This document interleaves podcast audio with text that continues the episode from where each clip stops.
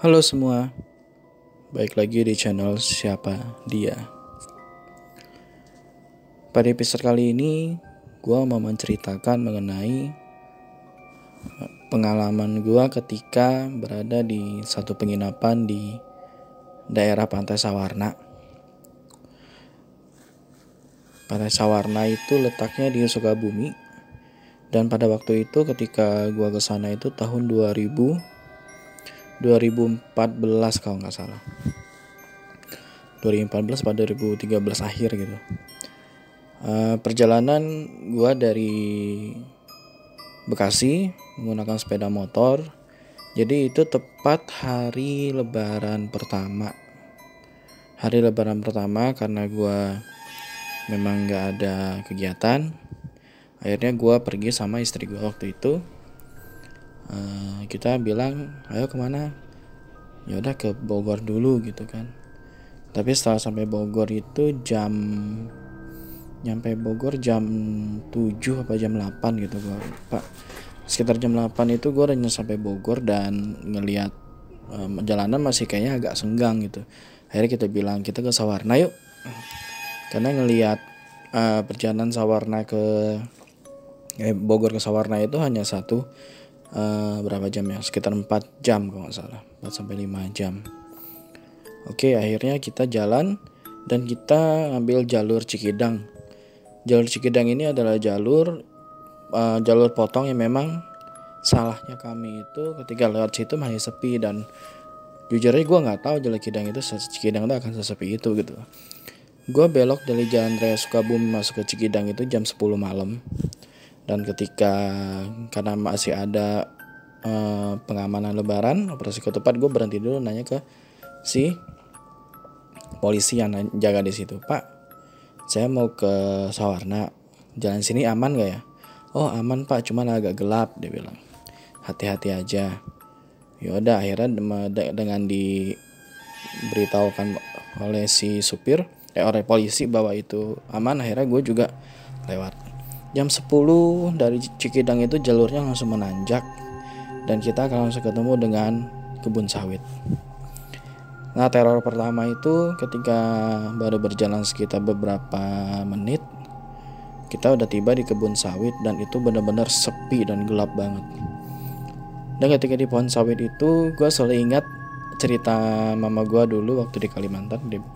Dulu kalau mama gue itu kan dulu uh, dia jualan ke kampung-kampung Dayak. Jadi kalau beliau itu pulang malam, biasanya di bawah pohon sawit selalu ada penampakan kata beliau. Nah, gue langsung teringat itu ketika lewat kebun sawit itu, waduh, kebun sawit lagi gitu kan.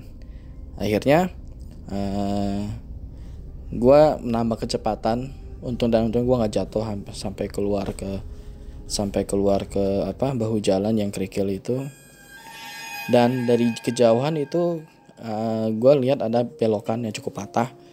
Dan lurusnya itu adalah pohon sawit. Dan kebetulan ketika gue ke sana itu terang bulan jadi uh, lumayan terlihat walaupun tidak terang-terang banget. Gue ngelihat di bawah pohon sawit itu ada ada sesuatu gitu loh dengan baju putih terus uh, rambutnya agak panjang gitu. Gue pikir oh mungkin orang kali ya. Karena kan uh, eh, gue mikirnya orang gitu karena gue nggak mikirin yang aneh-aneh. Jadi kalau misalnya gue ke suatu tempat terus gue takut gue akan mikir oh itu orang. Gue nggak akan mikir yang aneh-aneh. Nah setelah perjalanan itu oke okay, gue pas gue nyampe di belokan tuh pas gue mau belok oh udah nggak ada. Nah gue mikir oh mungkin itu uh, apa namanya karung karung beras kali ketiup angin atau apa gitu. Ya udah gue tetap nggak mau nggak mau apa namanya nggak mau mikir aneh-aneh gitu loh. Nah pas perjalanan sudah nyampe di jalan yang agak nanjak-nanjak gitu udah mau nyampe ke pelabuhan Ratu uh, bini gue uh, bini gue ngerasain gitu loh. Oh aduh ada yang nempel lagi dia bilang kan. Nah kan gue nggak ngerti apa yang nempel ya. Gue mikir serangga yang nempel gitu. Ternyata dia bilang ada yang nempel dia bilang ya terus gimana? Ya jalan aja gitu. Nah, oke kita jalan. Akhirnya kita e, malam itu tidak sampai Sawarna karena kita sampai Karanghau itu sudah jam sudah jam berapa ya? Itu sampai Karanghawu itu pokoknya udah malam aja. Udah jam satu kalau nggak salah jam satu malam jam 2 malam gitu. Nah kita sampai berhenti di pom bensin buat nanyain pak ini masih jauh nggak oh udah deket kata si pak TNI ternyata masih jauh banget. Nah tapi sebini gue bilang aduh ada yang nempel gitu kan. Oh ya udah akhirnya gue jujur aja gue juga. Gue lah kalau gue orangnya kalau misalnya terjadi sesuatu gue nggak mau nggak mau ngomong di tempat gitu loh. Akhirnya udah kita tetap jalan. Nah malam itu kita nginep di Karanghawu dan tidak terjadi apa-apa. Mungkin karena kita udah capek kali ya. Akhirnya kita langsung tidur. Nah besoknya kita jalan ke Sawarna. Kita jalan ke Sawarna uh, sampai ke Sawarna kita dapat homestay. Dan kita habisin hari itu di pantai.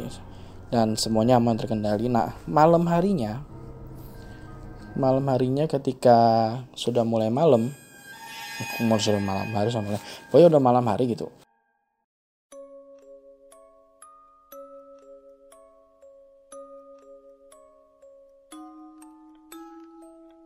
Oke, ketika malamnya uh, pintu di homestay gue itu sekitar jam. Jadi bentuk-bentuknya kayak gini. Homestaynya itu uh, ada dua ada dua pintu. Jadi kayak kontrakan gitu. Ada dua pintu. Cuman uh, depan homestay gue itu sawah. Home depan homestay gue sawah. Terus sebelah kirinya itu pintu keluar ke jalan raya. Jadi kalau kita masuk dari pintu depan lurus kirinya sawah nah kanan homestay terus ada, ada penutupnya di bambu dia di ujung gitu. Nah gue yakin banget kalau malam itu nggak ada orang di homestay itu dan dia ada dua pintu. Yang cuman gue doang yang tempatin di satu kamar gitu.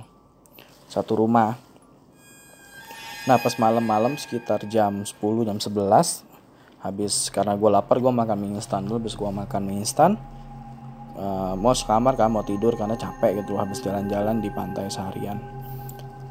Nah baru mau tidur di kamar di pintu kamar kayak ada nimpuk. Petak kayak ada nimpuk pakai batu gitu. Uh, eh, gue mikir oh tikus kali. Ya udah tidur lagi. Belum sempat tidur kamar di pintu kamar ada ngetok dong. Tok tok tok tok tok tapi ngetoknya itu nggak nyantai cuy. Tok tok tok tok, tok gitu kenceng. Dan dia apa namanya uh, beatnya cepet. Tok tok tok nah, kan kita mikir kenapa ya gitu. Karena gua nggak mikir aneh-aneh gua buka pintunya. Nggak ada orang. Nah habis itu uh, selesai itu ini siapa sih gue bilang ngerjain mulu. Akhirnya gue bilang jangan ngerjain kita lagi capek mau istirahat karena besok mau pulang. Udah dong.